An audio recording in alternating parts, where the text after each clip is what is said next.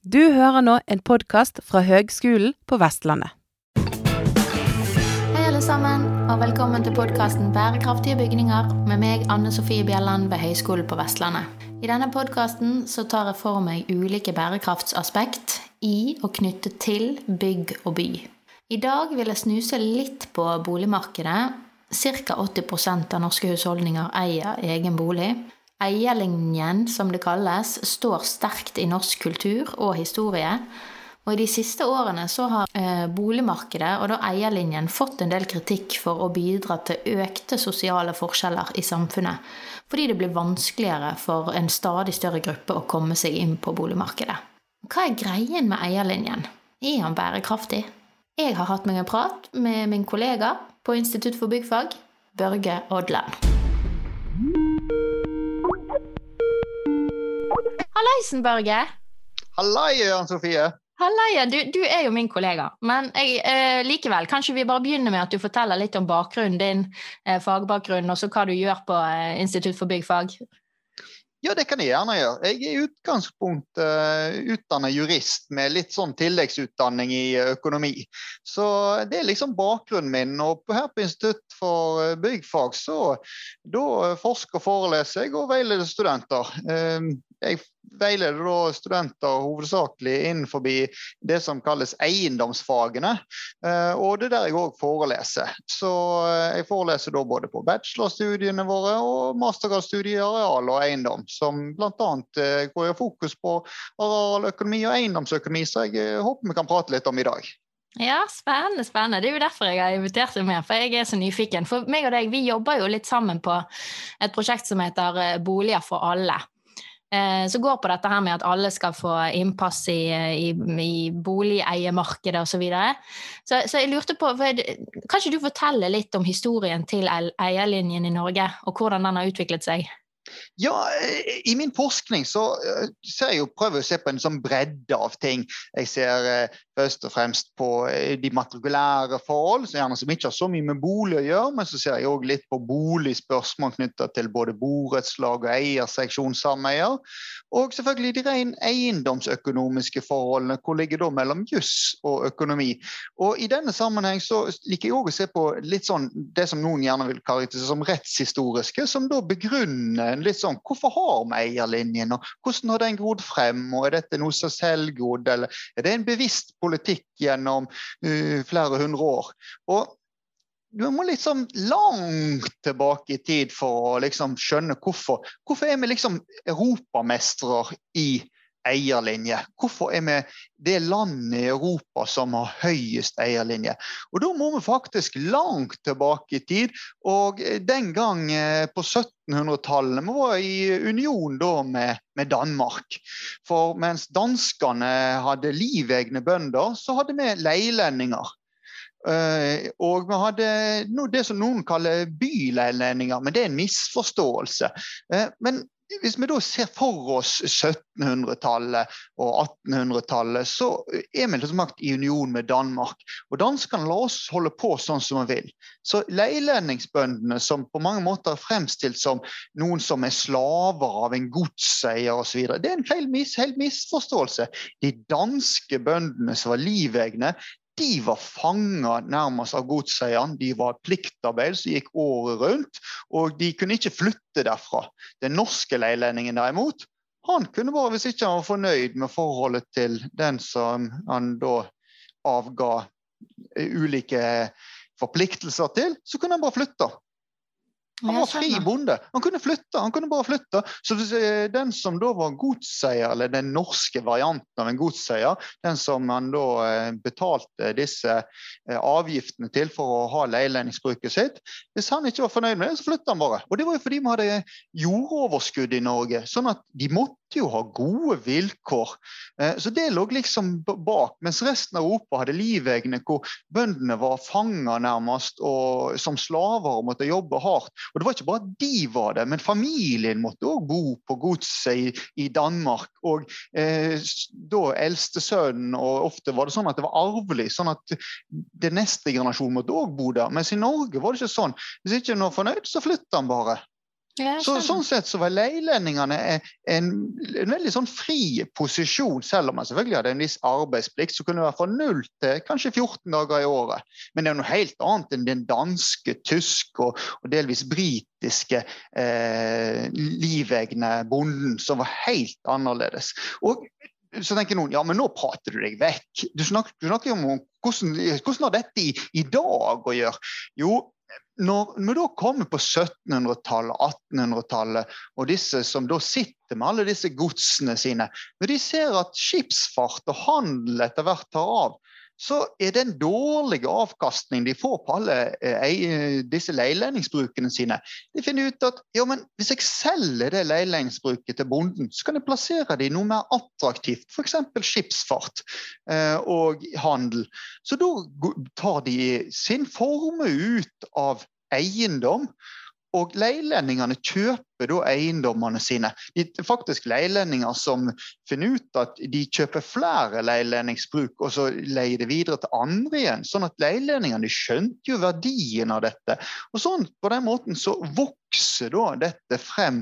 Og eh, gjennom lovgivning så får en òg visse rett rettigheter til å kjøpe leilendingsbrukene. Så tenker jeg nå ja, men nå har du pratet om eh, de på land og leilendinger. Hva med byen? Hva med byen? Hva skjer der? Jo, der har vi grunnleieforhold. Og i grunnleieforholdene så var òg en veldig gunstig kontrakt for byborgerne. Ok, De leide grunn, det høres ut som de er slaver til og måtte liksom ikke kunne eie. Men de var huseiere, så de eide huset sitt. Så hvis ikke ah, ja. du er fornøyd med grunnleieavtalen, så tok de huset fra hverandre og satte det opp et annet sted. Og Så du leide grunn, men du eide det du satt på? på ja, grunn. i huset uh, i byen så var det de som hadde grunnleier. De, de, eide husene sine. Og i mange byer så var det sånn at grunnleieavtalen var fast. Så hvis den var inngått f.eks. i 1725, så 100 år senere, så det du betalte i leie, det var jo forsvunnet som følge av inflasjonen. Og Dermed så kunne du selge dette, så hver generasjon solgte en leiekontrakt. Så, leie, så de, leiekontrakter med veldig lav leiesum ble jo veldig gunstig å selge. Så du solgte kunne selge en, en leiekontrakt? Det var ja, jo litt spenstig. Ja, så du solgte en grunnleiekontrakt med huset på. Så du solgte huset med grunnleiekontrakten. På samme måte som i dag noe kan forklares likt med, med, med tomtefeste, men det var enda gunstigere. Det var mye gunstigere for disse som var grunnleiere. Okay. Så når du da fikk den måten, når du eide ditt eget hus, så var det klart når du eide eh, leilendingssystemet, eh, da de hadde en tilhørighet der, så sier vi at ja, de kunne kjøpe, de gradvis fikk eh, liksom større rådighet. Men nøkkelen ligger jo i pantesystemet. For Det hjalp jo ikke å få rett til å kjøpe leilendingsbruk eller få rett til å innløse grunnleiene eller få rett til å bygge på huset osv. Hvis ikke du kunne pantsette dette. Så det norske pantesystemet med pantebøker og panteregistre gjorde det mulig for oss å få lån allerede på slutten av 1700-tallet og utover 1800-tallet. Så det at vi husholdningene fikk muligheten til å ta opp lån. Veldig ofte var det da selvfølgelig disse storgodseierne skjønte jo nettopp det. De solgte leilighetsbruket, men så var de òg kreditor. Så de sikrer seg da med lån tilbake igjen til samme leilendingen, eller den tidligere leilendingen. Sånn at de skjønte jo butikk her, disse. Det var ingenting med det. Men det at de da fikk lån, mulighet til å låne opp noe som eh, f.eks. i dagens tredje verden er et stort problem. Du har ikke et fungerende pantesystem den dag i dag, og de får ikke mulighet til å kjøpe jorda de bor på. Eh. Fordi de, de, får ikke mulighet til å få lån på dette. Så det lånesystemet som vokser frem da, eh, og det eh, leilendingssystemet og grunnleiesystemet, medfører at i 1920, altså for 100 år siden, så hadde vi allerede en eierlinje på 50% i Norge. Steike. Det, det, det, er jo like mye som mange land har i dag. Ja, Tyskland de sitter med så vidt over en eierprosent på litt over 50 i dag. Ja. Sånn at eh, Det er liksom bakgrunnen. Så du kan gjerne snakke om en, så, Hvis amerikanerne ser oss, så er det liksom sosialisme og støtte osv. som vi har i Norge. Jo, fra andre verdenskrig av og fram til i, i, dag, så har nok den boligsosiale politikken vært med å påvirke og videreutvikle eierlinjer fra å være best kanskje i Europa allerede den gang, til å bli enda bedre og enda mer suveren, opp til dagens nivå på eh, ca. 83 eh, husholdninger som bor i sin egen eide bolig. Så vi er kommet et stykke på vei. Men husk at dette historisk sett var begrunnet ut ifra de samfunnsforhold knytta til pantesystem, leilendingssystem og grunnleiesystem som vi hadde på 1700-1800-tallet. Så det er ikke noe politikerne bare kan slå seg på brystet av og si at ja, dette har vi fiksa de siste eh, 80 årene eller siden krigen eller siden ja, osv. Så, så vi var litt mer nyansert enn som så, altså. Ja, artig, altså. Men, men eh, altså, jeg har jo tenkt at eierlinjen på en måte kan, i hvert fall nå sant? Altså, han, har, han har bidratt, jeg forstår det, at han har bidratt til en utrolig sånn herre eh, hva, hva, hva du kaller det, verdi eh, spredning. Eller sånn at alle, alle har liksom eh, aksjer i Norge, på en måte. Eh, ja, det er en formuesutjevning. Det at vi eier vår ja. egen bolig, det innebærer jo at vi tar del alle i prisstigningen. Så selv om eh, hvis du tar opp et lån i boligen og får lån da på la oss si 75 eh, av det, og ikke du nedbetaler, altså du bare betaler har avdragsfritt lån og du bare betaler renter, så vil din eierandel i boligen som følge av at vi har en viss minimum inflasjon og vi har en viss prisstigning som har vart iallfall de siste 30 årene. Det har vært en jevn prisstigning siden tidlig på 90-tallet, 92-93. Så går dette jevnt oppover. Og da sparer vi i realiteten bare med å kunne dekke renter. Så det er ikke bare nedbetalingen. Vi tar del i formuesutjevningen, og alle deler av samfunnet tar del i det. Og det har jo litt med Husbankens rolle på 60- og 70-tallet, delvis 80-tallet. Mm. Men det er òg med frislippet av kapitalmarkedene på 80-tallet. Vi gikk over til en annen type boligsosiale forhold. Det at kapitalmarkedet ble sluppet opp, gjorde at eh, hvermannsen kan nå gå og få lån med ganske god sikkerhet i den faste eiendommen. Og det er blitt en så stor, sterk sikkerhet at du får lån ganske høyt opp i, i prosent. Før måtte du eh, ha en mye mye høyere mye høyere inngangsbillett for å kunne kjøpe. Du måtte gjerne ha kausjon og lignende. De som har kjøpt bolig fra 1990 og fram til 2010, mange av de fikk, fikk komme inn som følge av en forventning om høyere inntekt i årene som kommer, på inntektssiden. Og på utgiftssiden så var det klart at vi så òg at eh, rentene har vært lave. De har vært historisk lave, og nå er det jo helt ned mot null. Så det har òg mm. bidratt til dette. Men samtidig så er denne modellen eh, ganske skjør, og selvfølgelig under press. Eh, det, det, er det ingen tvil om. Så det, det er under press hvis eh, etterspørselen øker mye. Så er det klart at hvis mange begynner å kjøpe bolig nummer to, nummer tre, nummer fire osv., så, videre, så bidrar det til et etterspørselspress. Og hvis du får mange profesjonelle aktører i tillegg, så bidrar det òg økt etterspørsel, som gjør at de som i dag ikke i boligmarkedet. For vi må huske at det finnes de 17 eh, her, altså fra eh, som har 83 eierlinje, så er det 17% som ikke er det. Og de, mm. disse utenfor de risikerer å havne i en situasjon hvor de arver fattigdom. For det er klart at hvis din familie eid bolig i flere generasjoner, så har de opparbeidet seg større sikkerhet.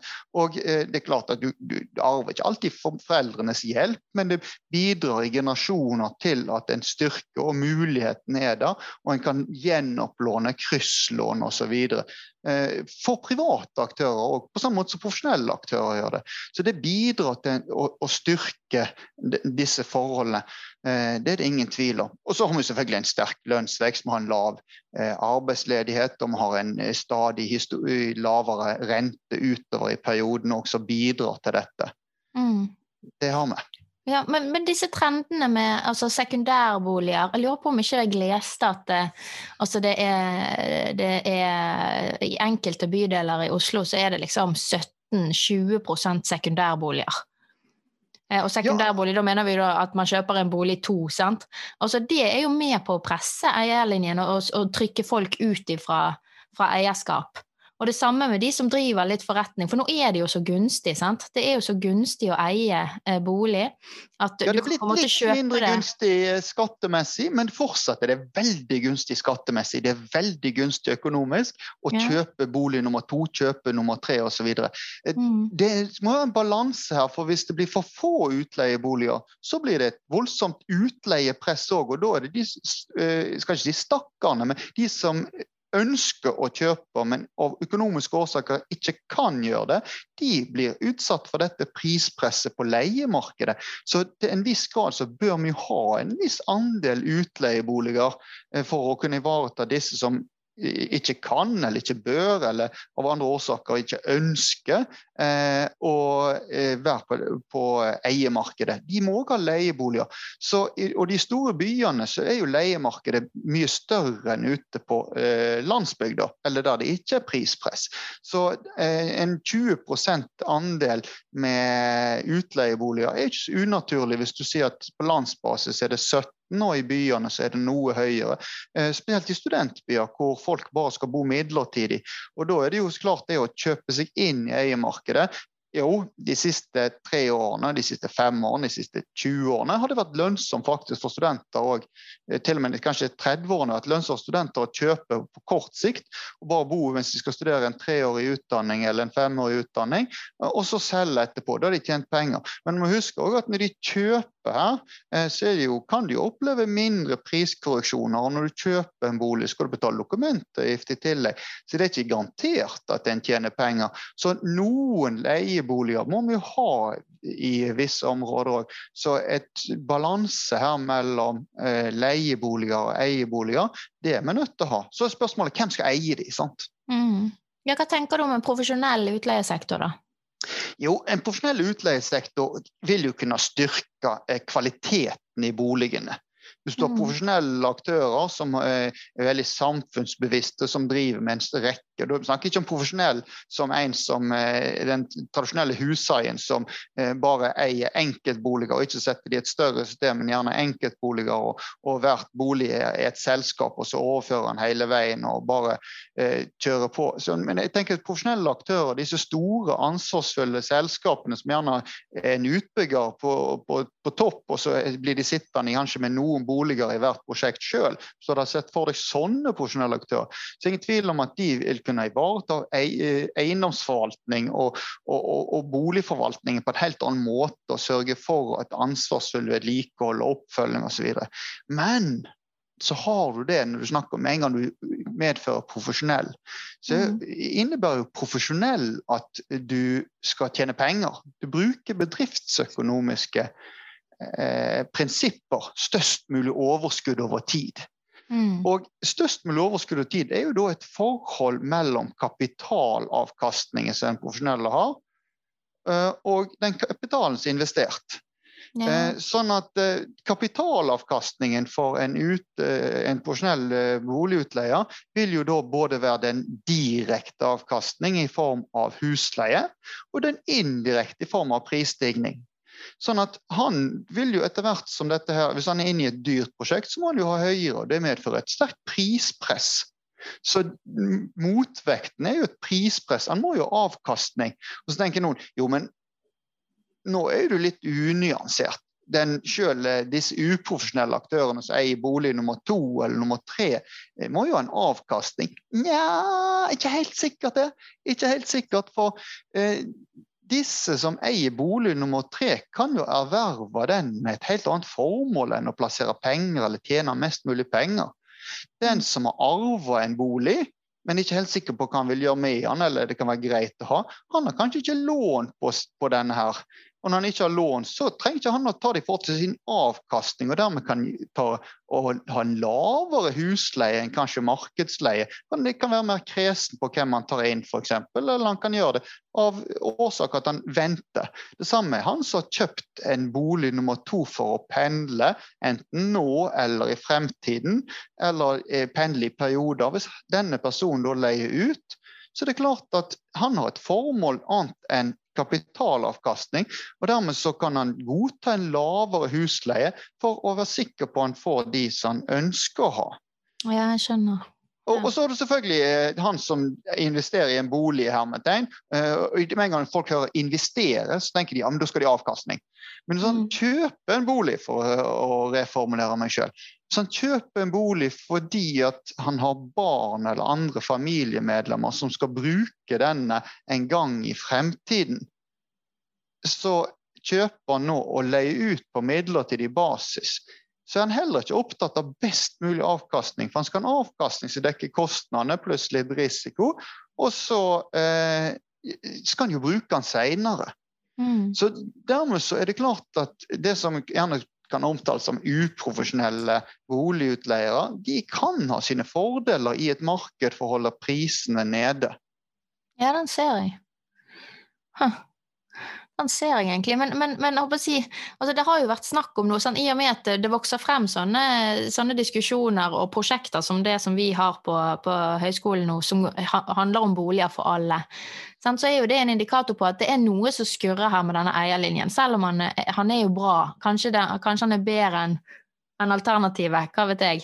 Men, men, men, men det, er no, det er jo noen mekanismer her som bidrar til en altså forskjell, en forskjellsakselerator, på en måte. Er du enig?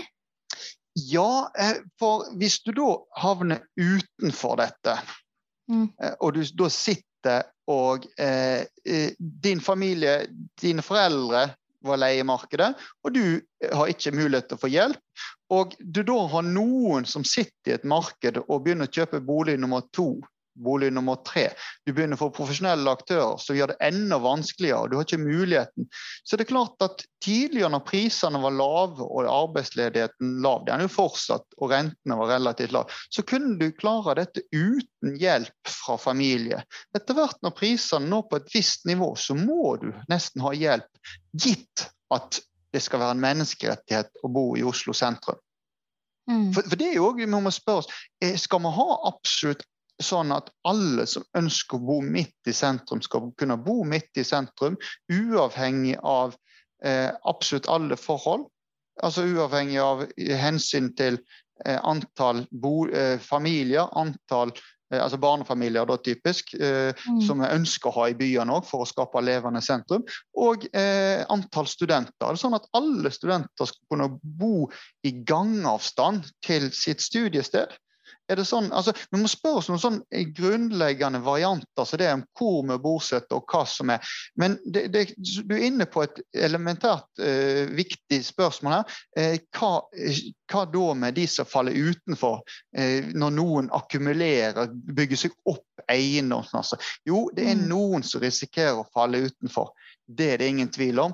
Og eh, da er det klart at vi må være veldig forsiktige med disse her og, og tingen som jeg kaller gjerne at en arver fattigdom. Fordi at Mm. foreldrene var fattige, så blir en sjøl tvungen, og en kommer aldri inn Mm. eh, på eiendomsmarkedet.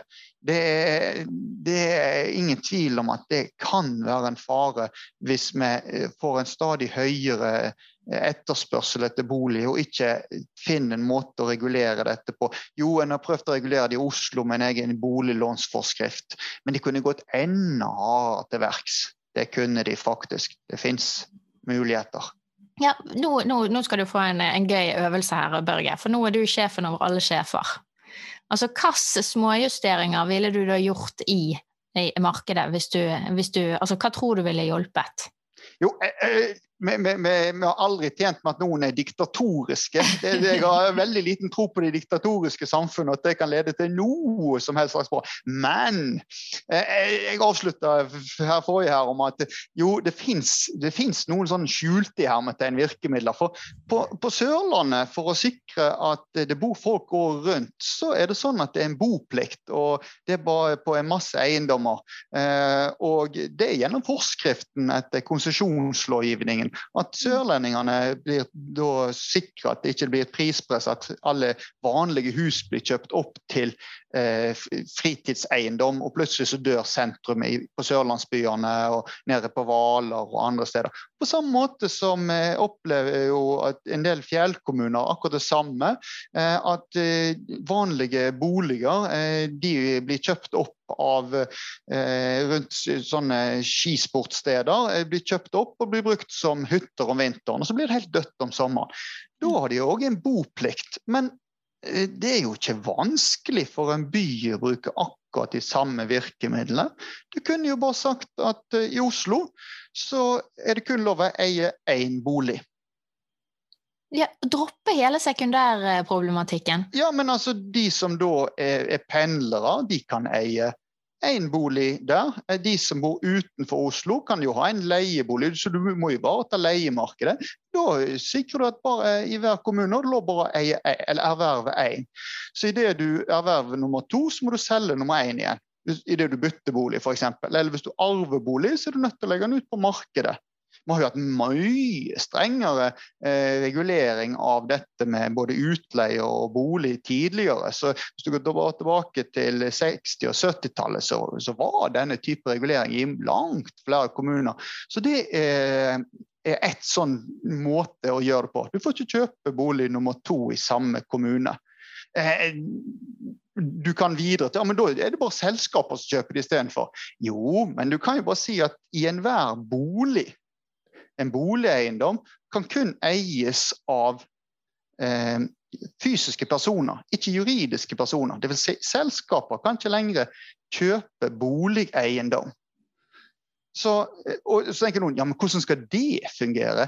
Jo, du må jo unnta for borettslag, for det er jo en juridisk person i seg selv som eier hele boligmassen. I borettslag så er det jo sånn, de fungerer jo helt utmerket. Der kan jo ikke selskaper, med unntak av selvfølgelig kommuner og interkommunale selskaper og kommunale selskaper eie. Så, så det vil fungere at uh, selskaper da eh, ikke kan kjøpe. Selvfølgelig, Da får du redusert etterspørselen, og prispresset blir mindre. Og så tenker noen ja, men hva da? Jo, men da blir jo utleieandelen blir, etter hvert blir redusert. og Du vil få et problem.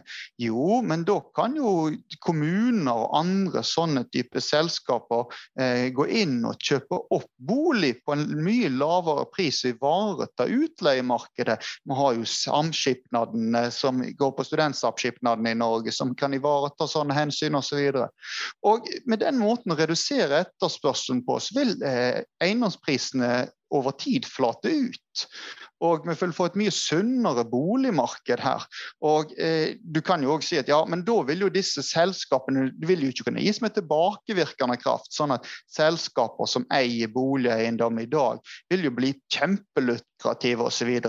Jo, men da kan en jo gå inn og innføre ulike typer retter på forkjøpsrett og bruke disse her reglene som ligger, og justere de reglene som går på kommunenes forkjøpsretter til bygårder og leiegårder. Og de fins jo, så de er bare til vekker vekke til live. Oslo er flink til å bruke de eh, i perioder, mens i Bergen så brukes de f.eks. nesten ikke i det hele tatt. Og jeg kjenner ikke til de øvrige storbyene hvordan det brukes eller ikke brukes.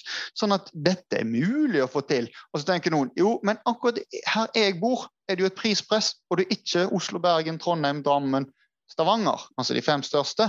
Hva med meg, hva vil du her? Jo, men disse forskriftene kan jo innføres på kommunalt nivå eh, av òg områder som har prispress uten å være storby. Les f.eks. Sogndal, som har et veldig høyt eh, av eiendomsmarked og utleiemarked. Mye pga. vår egen institusjon, Høgskolen på Vestlandet, som ligger der med studentmassen. Men det er òg diverse andre fordeler. De har et veldig lav arbeidsledighet over tid. De har et uh, veldig godt utvikla næringsliv der oppe. Ære være de for det. Men de kunne justert prispresset, uh, justert disse tingene, òg uh, i Sogndal på denne måten. Hvis de ønsker det. Hvis, de, hvis det er en utfordring i Sogndal. Men det må jo være opp til kommunalt ønske, dette her. Ja, dette var jo kjempelurt. Du får det til å høres så himla enkelt ut. Altså bare eh, redusere muligheten for å eie to eh, boliger i samme kommune. Sant? Da demper du i hvert fall sekundærboligtrenden eh, i både Bergen og Oslo og andre storbyer. Og så, hva var den andre? Boplikt. Nei, Altså, det blir det samme. Ja, men ingen uh, juridiske personer får lov å eie eiendom. Ja. Men, boligeiendom. Husk boligeiendommen. Bolig. Du, må, og de, må, må, selvfølgelig kunne kjøpe en, en, bygård for å bygge om, for å så selge, seksjonere og selge ut i en, andre omgang. Men dette er mm. måten å bygges opp på. Sant? Og mm. hvis du erverver en bolig, så må du ha et til tolv måneder til å selge ut din opprinnelige bolig osv. Så, videre. så du må jo ha sånne ordninger. Men den fleksibiliteten lå òg tidligere. Blant annet uh, har jeg fått beskjed om, uten at jeg har klart å finne disse gamle forskriften i min tidligere hjemkommune Tysvær, hvor det òg var ikke lov om eie, fikk jeg beskjed om, mer enn én boligeiendom tilbake på 80-tallet. Så ganske fascinerende, egentlig. Og det er jo ja. Men hvorfor gjøres ikke dette, da? For det, dette, det skriver og det styres og det diskuteres om tredje boligsektor og hei og hå. Hvorfor gjør ikke de disse grepene her? For dette høres jo ut som grep som ikke er direkte skadelig mot noen parter. For det er jo det som har vært utfordringen. sant? Og skal du heve renten, skal du ha større eh, egenandel, skal du gjøre sånne ting, så, så, får det ganske store konsekvenser for ulike grupper og sånn. Mens akkurat det som du sier der, det tar bare vekk sånne fjonge løsninger. Eh, for, det, krever jo ja. litt administrasjon i en storby som eh, Oslo spesielt, da, som det er veldig mye. Noen må jo ta seg av dette, administrere noe sånt. Alle boligsalg må jo da innom og kontrolleres i forhold til disse tingene. Så det vil jo forsinke. De må skalere opp. Eh, det er klart. Men noe forsinkes i boligmarkedet trenger jo ikke være en ulempe når eiendomsmarkedet går så fort, og det bidrar også til høyere priser. sånn at En viss minimum av forsinkelse eh, vil også kanskje være sunt her, syns jeg.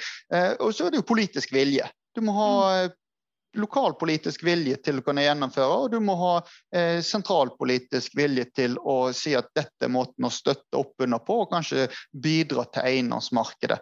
De har jo mange andre tiltak eh, å, å, bygge opp under her. Og eh, kanskje vil Husbanken ha en ordning for at da de lavtlønte lettere kom, eh, kommer inn på markedet. Altså, så det finnes mange mekanismer som kan kjøre opp imot dette samtidig.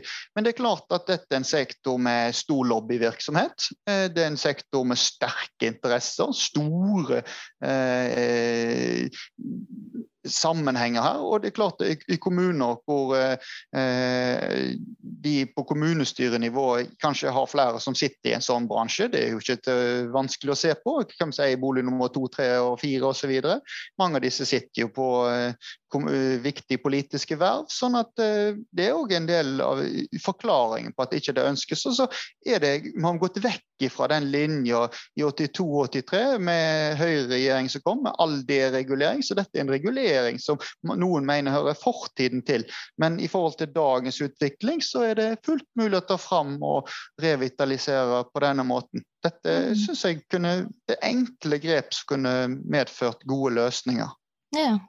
Kjempespennende. Men du må spørre deg, for det, altså, når vi snakker eierlinjen, så er det jo òg litt sånn ulike former for eh, eierskap. Eh, altså du kan eie en enebolig, selveier, helt 100% Du kan være andelseier, eller da, jeg håper å si, altså, ja, i et borettslag f.eks. Og du kan også være på en måte, det blir jo selv, De kalles ofte selveierleilighet, men du blir jo da en andelseier i et sameie. Ja, det er veldig viktigste. Ja, ja. ja, Det er de tre forskjellige typene, sant? Ja, det er de, de tre typene eiendom får nyoppretta i dag. Når du bygger et ny eh, boligeiendom, så er det de tre hovedtypene i utgangspunktet, ja. Eh, at man har noen sånn eldre varianter fra 60-70-tallet med obligasjonsleiligheter, og aksjeleiligheter, det er en annen sak. Men det kan vi la ligge. Det utgjør en uh, bitte, bitte små andeler i markedet. Ja, ok. Men er det noe sånn, syns du det De ulike eierformene, på en måte, er det noen av de som på en måte er litt sånn sterkere eller tryggere? Er det noen av de som er uheldige? Jeg altså, syns jo at uh, borettslagsmodellen har fått ufortjent mye uh, negativ oppmerksomhet uh, på bakgrunn av det som skjedde i finanskrisen i 2008-2009, eh, så, så, ble det sett ned på. Så det, det er klart at borettslagsmodellen den fikk seg en knekk da, fordi at eh, fem-seks eh, borettslag av 12 000-13 000 gikk konkurs. Men de fikk veldig mye eh, oppmerksomhet, altså da negativ oppmerksomhet knytta til modellen. Så borettslag er langt tryggere modell enn det skulle egentlig tilsi. Og så en annen ting, Vi kan jo spørre oss trenger vi egentlig både borettslagsmodellen, eierseksjonsmodellen seksjonsmodellen. Modellene har etter hvert begynt å bli veldig mye likere hverandre. Det har vært lovendringer som nærmer seg her. sånn at det er klart at eh, om tida er inne for å slå sammen. fordi at selv eierseksjoner, og det hadde jo du som et poeng her, så du fulgte opp, eh, hva når de da må eh, vedlikeholdes? Store mm. vedlikehold, eierseksjoner som er oppretta for 30-40 år siden.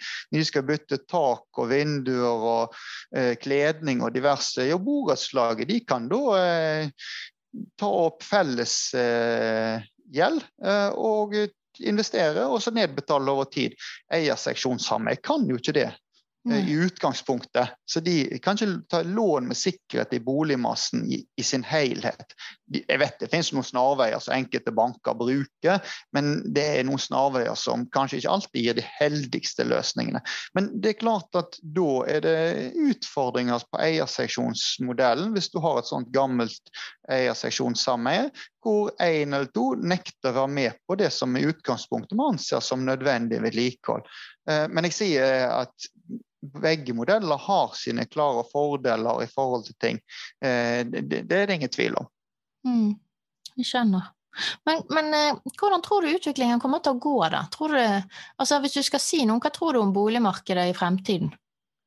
Jo, mye tyder jo på at boligmarkedet kommer til å stige jevnt oppover. Eh, det er det ingen tvil om. Og eh, i de fleste byer, med unntak av da særlig Oslo, så har en en ganske sunn eh, prisutvikling eh, som over tid har ligget så vidt over eh, konsumprisindeksen. Sånn at eh, Det er jo nyttig, for da oppfordrer en jo til nettopp å investere i bolig. Det er en sunn måte å spare på. Men Motsatt så er det klart at etter hvert så vil den eldste generasjonen, etter hvert som arvebeløpene våre, ja for samfunnet, etter hvert som hver generasjon eh, dør og etterlater seg noe, så har vi jo eh, arven videre på neste generasjon. Og det sånn som vi har uten arveavgift, så begynner disse tingene etter hvert å bli La meg ha sagt, jeg er ikke noe tilhenger av arveavgift som sådan, men kombinasjonen av manglende arveavgift og spesielt gunstige i bolig nummer to og tre osv. medfører jo da at hver generasjon blir en del rikere. og med med å bli så mye rikere, så eh, sier en ja, OK, den yngre generasjonen de har aldri vært så tungt lånebelagt som nå. Eh, både i forhold til inntekt og alle parametere, ja, det er uheldig. Men den eldste generasjonen sitter da og holder på veldig mye kapital. Eh, mm. som da blir død kapital i markedet. Så etter hvert så tror jeg vil vi se at den eldste generasjonen vil etter hvert gjenopplåne bolig som de sitter på, for å kunne nyte sine siste år på en litt bedre måte. Sånn at disse arvebeløpene vil ikke stige til værs til himmels videre heller. På et eller annet sted så vil en se denne døde kapitalen og prøve å bruke den til noe mer. Eller kanskje en ser mye mer kryssfinansiering av denne døde kapitalen ned mot de yngre generasjonene. Så det er kanskje en utvikling vi, vi vil se. Men igjen, de som er utenfor eiendomsmarkedet, de vil jo oppleve seg enda mer utenfor, enda mer i arva fattigdom. Mm.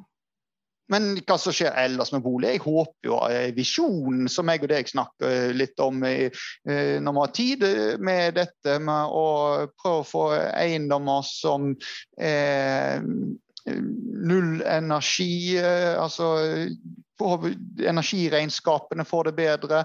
At vi får eh, eiendommer som har lengre holdbarhet, de bygger god kvalitet. At eh, vi får eiendommer som selv om vi får tette, får gode uterom. Og, og så jeg håper at det går en sånn pendel nå fra det presset som vi har, over til eh, disse kvalitetene som meg og deg prater om på disse områdene. Mm. Det blir spennende, ser du, hele dussen. Men, men, helt på tampen, Børge, har du noen gode råd til uh, våre studenter som skal ut og være med på dette her, uh, den spennende utviklingen? Ja, altså studentene våre som skal bli morgendagens byggebransje, jeg, jeg, håper de tar med seg det vi lærer de om å, å sikre gode og trygge eh, bo- og eieformer. Både juridisk, økonomisk og den fysiske plasseringen på kvalitet. En, det, det, det, er masse her å, å, å, ta tak i og bringe arven videre, sånn at vi sikrer eierlinjer på en positiv måte, og at eiendom fortsatt skal være en av de viktigste tingene som sikrer vår velferd og velferdsutvikling for uh, husholdningen i Norge. Mm. Tusen takk for en veldig spennende prat, Børge. Bare hyggelig. Dette var gøy. Ja, så bra. Ha det godt. Ha det. Det er jo ikke lett å konkludere på dette her. Men eh, jeg tror vi skal være glade for at vi har en så sterk eierlinje som vi har i Norge. Den er en av grunnene til at vi har mindre forskjeller i samfunnet enn mange andre land. Likevel så trengs det nok noen justeringer her, og jeg likte veldig godt disse forslagene til Børge. Det snakkes jo mye om å bygge flere boliger for å få ned prisene osv. Men, men det å gjøre grep for å frigjøre eksisterende boliger til markedet, er jo kanskje vel så viktig. Og det gjør jo tiltakene til Børge. Hvis man f.eks. kun fikk eie én bolig i en kommune, da løser man i veldig stor grad eh, dette her eh, sekundærboligutfordringen. Og det at kun personer og ikke foretak kan kjøpe boliger, det ville jo også vært med på det. Så det blir utrolig spennende å se om det blir noen endring i politikken her, enten på statlig eller på kommunalt nivå. Jeg tror det må til for at vi skal kunne kalle vårt boligmarked sosialt bærekraftig i fremtiden. Ha det godt!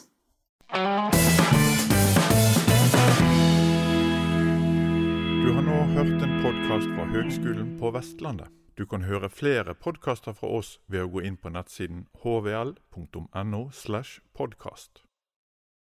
Du har nå hørt en podkast fra Høgskolen på Vestlandet. For å høre flere podkaster, besøk hvl.no slash podkast.